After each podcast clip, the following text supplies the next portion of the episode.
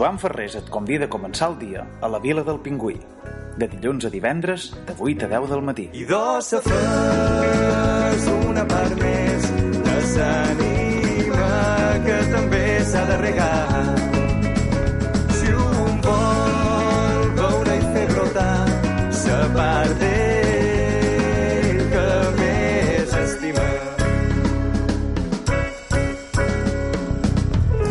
Sa misteri dret mos crida, mos demana... 9 i 40 minuts, què tal si iniciem la connexió amb la portaveu del GOP, Margalida Ramis?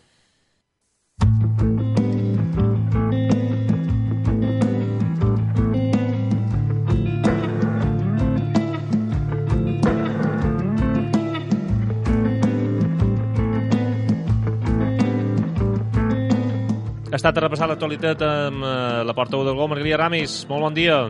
Hola, bon dia. Margarida, hem de repassar algunes qüestions, algunes més recents, algunes també que en tu igualment volíem comentar. D'entrada, notícia d'avui, que d'una qüestió que també hem, hem parlat, per exemple, destaca ara Balears i també el, el diari Balears, sobre Esmorterà. Uh, se preveu que la meitat de la central d'Esmorterà tanqui el 2020. El secretari d'Estat d'Energia viatjarà a Mallorca per concretar l'acord de l'executiu autonòmic d'una mesura prevista en la llei de canvi climàtic. Com ho valorau des del GOP? Bueno, nosaltres molt positivament. És una qüestió que fa anys que reclamàvem, que hi hagués un full de ruta per al tancament d'aquesta central, per les emissions que implica, en termes de, de producció energètica a partir d'una de les pitjors fonts eh, combustibles que hi ha, i també per tot el que implica en relació a l'explotació del carbó d'allà on es treu per dur-lo aquí a cremar. Aleshores, és una bona notícia. Mai fins ara cap govern havia pres la valentia de plantejar el tancament d'esmortarà amb tot el que implica també d'una transició dels llocs de feina, d'un canvi de model de producció energètica, etc. I, per tant, és una notícia fonamental perquè aquesta, a principis d'aquesta legislatura s'havia plantejat, però hi havia estat negativa per part del Ministeri autoritzar aquest tancament. Si ara hi ha un interès per, que, per treballar conjuntament per fer eh, un full de ruta detallat i poder-lo tancar és una excel·lent notícia. I Margarida, també a conseqüència que cap de setmana hi va haver una roda de premsa t'ha referida on, eh, on destacava eh, unes instantànies del que suposaria la nova autopista de, de Campos, quin impacte eh, eh, paisatgístic tindria, i el GOP heu aprofitat, a més, per demanar al president Miquel Ensenyat que el pressupost de l'autopista de Campos i Major se destini a la recuperació dels municipis afectats per l'aiguat. Seria una alternativa, no? Bueno, jo crec que és una alternativa política factible. Uh, la, la roda de premsa que se va fer aquest dissabte amb tots els membres de l'Assemblea Antiautopista eh, plantejava no? quin és l'escenari actual i que podríem evitar destrossar. Hi ha molts arguments per intentar evitar aquesta infraestructura i, vulguis que no, les qüestions de canvi de model estan darrere aquesta infraestructura. Nosaltres sempre hem reclamat que l'execució d'aquesta autopista eh, responen al model d'infraestructures expansionistes que, que impulsava PP i Unió Mallorquina des del 98. Les coses han canviat molt de llavors. Els escenaris de canvi climàtic es fan cada vegada més evidents i això no és demagògia. A Sant Llorenç eh, poguessin pogut produir eh, els anys que se van produir, però hem de ser conscients que els episodis d'aquestes característiques seran més freqüents i cada vegada més intensitat, i això ho diu la universitat, no ho dic nosaltres. Per tant, és hora de començar a planificar com plantejar les infraestructures a les illes, com de més impermeabilitzar amb sol, com afavorim encara més la utilització del cotxe privat en detriment del transport públic i de, per tant, eh, evitar més contaminació també de cara a l'atmosfera. Per tant, són qüestions que ara a molta gent li poden semblar fins i tot un punt demagògiques, però per nosaltres no ho són en absolut, perquè precisament amb aquestes qüestions en les que se marca un canvi de tendència i de model que requereixen aquestes illes per evitar eh, que impactes d'aquestes característiques que ja no podrem evitar perquè el canvi climàtic està iniciat i per tant això seguirà passant a les illes, ja ha passat històricament però s'incrementarà amb freqüència i amb intensitat i de començar a, a pensar en les infraestructures també adaptades en aquestes qüestions perquè no se produeixin eh, els impactes de les magnituds com s'ha acabat de tenir Sant Lloret. Crec, crec que és una qüestió de responsabilitat i precisament avui que el president ensenyat té assemblea de Balles i demanava eh, en els Balles que, que prescindissen de cobrar una part de, del pressupost que tenen uh, per obres i serveis de l'any que ve, jo crec que és un moment important com perquè també se plantegin altres infraestructures, són 33 milions d'euros que se destinaran a, impermeabilitzar més sol i a in incrementar i a induir més trànsit de cotxes. És cap i a la fi són qüestions que afecten directament les conseqüències que puguin arribar a tenir episodis d'aquestes característiques a Mallorca. Hem de dir, m'he de corregir perquè era dins la plataforma antiautopista on hi ha membres de, del GOP, de Terra Feria i també d'altres entitats. Eren, sí. uh, era aquesta plataforma la que feia eh, dissabtes a la premsa. Um, Margalida, hi ha una notícia que aquest dies també se n'ha parlat molt, aquest tancament de la cimentera, famosa cimentera de Lloseta, Cemex, uh, sí.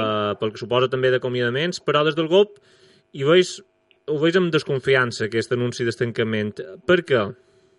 Bueno, hi ha eh, diversos motius, no? Hem vist que Cemex, eh, per qüestió d'optimització de sa, de producció, està intentant tancar, ja, ja ha tancat altres centres i els mantén com a centres de, de distribució i emmagatzematge. Però fa no res um, se va plantejar l'autorització, CEMEX va plantejar l'autorització de seguir explotant la pedrera de Can Negre fins l'any 2072. D'això fa mesos. I precisament um, explotar aquesta pedrera és precisament per tenir material per poder produir més ciment. Aleshores són com a dues decisions per part de la mateixa empresa que no quadren. Per una banda pensant que podria ser una manera de fer xantatge amb, amb la qüestió de la pedrera perquè hi ha un litigi amb el govern en relació amb el període d'explotació però també pensant que, que en qualsevol cas es obri una possibilitat i veiem a veure que quin marge hi ha per part del govern per poder garantir. Nosaltres estem demanant al govern que no s'oposi en el tancament, sinó que se planifiqui des de una, la responsabilitat del lloc de feina que implica, però que seria una bona notícia també des del punt de vista ambiental. Altres qüestions també intents també per analitzar. Hi ha una nova alerta, per dir-ho d'alguna manera, d'una possible urbanització a la colònia Sant Jordi. Ho alertau des del GOP, també ho alertaven des de Terra Ferida i des de, precisament el GOP presentàveu al·legacions a aquest projecte de reparcel·lació en aquest cas d'una zona de la colònia de, de Sant Jordi. De de què se tracta exactament?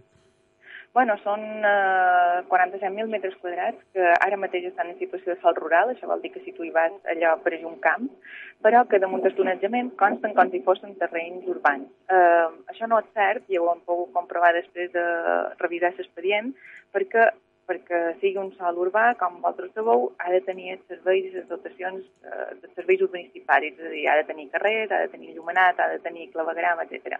Ara mateix aquestes parcel·les no tenen absolutament res de tot això i eh, amb aquesta reparcel·lació el que se fa és consolidar com si ho tinguéssim per dir-ho de qualque manera, no? com si ja això ja fos un sol urbà i se pogués tirar endavant l'urbanització. Nosaltres, per això hi ha un, una qüestió de tramitació que, que veiem eh, amb una certa irregularitat és el que sempre s'han conegut com a falsos urbans i segurament la gent n'ha sentit xerrar i no sap massa bé de què se tracta, sinó, i, i és això, són sols que no s'han desenvolupat, que tenen ara mateix situació de sol rural, però que damunt planejament d'una manera o l'altra el planejament ha anat consolidant allò i ha anat com afiançant que eh, a damunt paper allò és sol urbà i en realitat no té cap tipus de servei. I aleshores el fet d'haver de dotar de serveis aquestes parcel·les impliquen haver de fer unes sessions també d'aprofitament per part dels promotors a l'Ajuntament. Unes sessions que si ja dones per fet que això està consolidat com urbà, ja no obligues a fer. I, per tant, una estació que l'Ajuntament perd en quantitat, en matèria econòmica i també en destinació, per exemple, d'habitatges per protecció oficial. Això és una qüestió que eh, ha estat històrica dins dels temes de planificació urbanística en el cas de Mallorca, ha donat casos a, a molta, moltes pilotades urbanístiques i aquesta en podria ser una altra, i no és poc. Vull dir, allà s'estan preveient 300 eh, apartaments, que, que implicaria gairebé 1.000 persones més de cop a la colònia de Sant Jordi, per tant és un desenvolupament important. Hi ha hagut un període d'al·legacions d'aquest projecte de reparcel·lació i ha coincidit, que jo crec que molt positivament, que tant com Terra Ferida ho han detectat i hem pogut presentar al·legacions demanant la desclassificació i demanant que tota la qüestió de la tramitació se revisi perquè hi ha hagut irregularitats que nosaltres considerem que són greus. Margalida, també una altra qüestió que vull destacar en diversos diaris, que molts ja podíem imaginar. La meitat dels habitatges que es venen al barri Santa Catalina Palma són comprats per estrangers i gairebé tots els venedors de béns immobles d'aquest barri de Palma són de nacionalitat espanyola. A més, el que es detecta en aquesta notícia és que després de la prohibició del lloguer turístic eh, plurifamiliars eh, a Palma, igualment els lloguers no estan baixant i els preus també dels habitatges també segueixen, eh, sobretot segueixen pujant i molt. Què suposa tot, eh, tot això?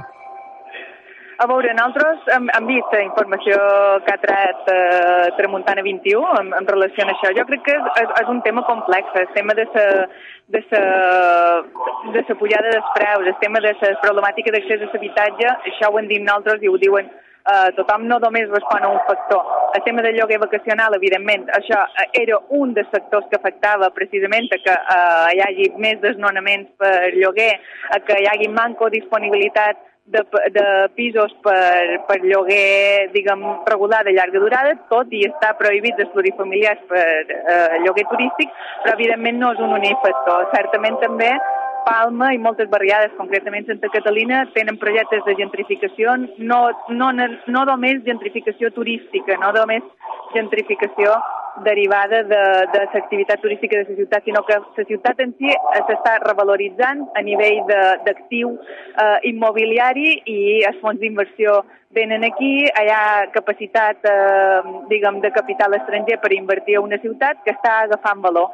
I això mos alerta, mos alerta perquè implica un desplaçament de població residents de centres neuràlgics, aquests, aquests barris deixen de ser barris per, per, vi, per viure a ser barris, per ser visitats i per ser, diguem, com una espècie d'escenari, i això són qüestions que s'hi han de posar mesures, mesures des de molt de punt de vista eh, des de moltes polítiques diferents, no només eh, turístiques, sinó també sectorials des del punt de vista d'habitatge, de comerç, etc. Són moltes qüestions que, malauradament, en el cas de Santa Catalina, fa que a dia d'avui pràcticament sigui un barri perdut per la ciutat i eh, que se converteixi això en un petit gueto no? d'alta qualitat per eh, persones estrangeres que tenen la capacitat adquisitiva per poder comprar o per poder pagar un lloguer de més de 1.200 euros en el mes en el barri de Santa Catalina.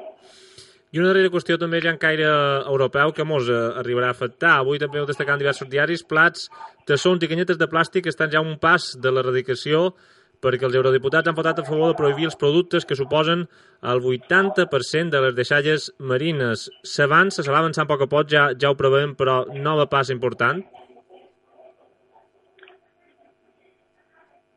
Margalida, m'ho sents? Uh, a, a veure, perdona, sí és una passa fonamental i, de fet, nosaltres tenim la sort en aquesta legislatura també que hem tingut un govern que amb aquesta qüestió estat prou valent, ha impulsat una llei de residus allà on ja preveia i s'avançava, en aquest cas, a la normativa europea, a l'eliminació de plàstic d'un sol ús, entre elles les canyetes aquestes i d'altres eh, estris que fan servir just un pic i que després tiram i moltes vegades els de tiram malament a dins del bany i acaben a les depuradores embossant i acaben a la mà. El tema dels plàstics a la mà és un problema greu i jo crec que s'estan posant mesures a tots els nivells. En el cas d'aquí de Mallorca, insisteix, tenim una llei ara en discussió en el Parlament que s'ha avançat a tota aquesta normativa europea i ja preveia implantar uns terminis per prohibició d'aquest plàstic d'un sol ús. El tema de les canyetes és fonamental, però n'hi ha molts d'altres que també s'han d'abordar i cada passa que es doni en aquest sentit serà una passa positiva. Ho, ho hem dit també, ho hem parlat altres vegades, és una passa important. Entenc que també hi ha altres països eh, que gestionen d'una altra manera tota aquesta eh, problemàtica de residus. Arriba una llei de residus que també, com a mínim des del GON, no s'hi preveix que mm, serà polèmica o que costarà d'avançar. Com, eh, com preveix que serà, per tant, aquesta aprovació de la llei de residus? Anem, nosaltres la veiem bastant esperançats. Eh? Estem fent feina des del principi, des del minut zero de la legislatura ens vam reunir perquè consideraven que aquesta comunitat autònoma necessitava una llei de residus. No en tenia, hi havia les planificacions sectorials de cada una de les illes, però no teníem una llei que establís un marc de futur. I la veritat és que nosaltres vam pitjar molt en tema de sistemes de depòsit i devolució de, i retorn d'envasos, els SDDRs, i el tema de matèria orgànica, perquè creiem que eren dos pilars fonamentals per minvar la quantitat de residus que s'acabaven incinerant però aquesta llei ha anat més enllà i ha estat una, una molt bona proposta de llei des del punt de vista de prevenció de residus, que és un tema en què en aquesta comunitat autònoma no s'havia fet feina mai. Per tant, és una llei positiva en aquest aspecte. Veiem que no hi ha molta oposició per part dels partits eh, que ara mateix estan en la posició dins l'art parlamentari. Eh, hi ha qüestions eh, fonamentals com aquestes que hi ha molt d'acord entre les diferents institucions polítiques que hi tenen competències, govern, consell i Ajuntament de Palma, per exemple, per ser un dels ajuntaments més grossos, i això ens dona esperances de que aquesta llei pugui sortir amb aquest eh, nivell d'exigència que s'han plantejat des del principi i ja insisteix, però és una llei ambiciosa i que d'implantar-se realment capgirarà el futur de la gestió de residus aquí a les illes. I doncs, Margalida Ramis, moltíssimes gràcies per aquesta connexió avui, com sempre, seguint analitzant eh, qualsevol qüestió i molt ben d'aquí 15 dies, com és habitual. Gràcies. Beníssim, gràcies a vosaltres. Adéu, bon dia.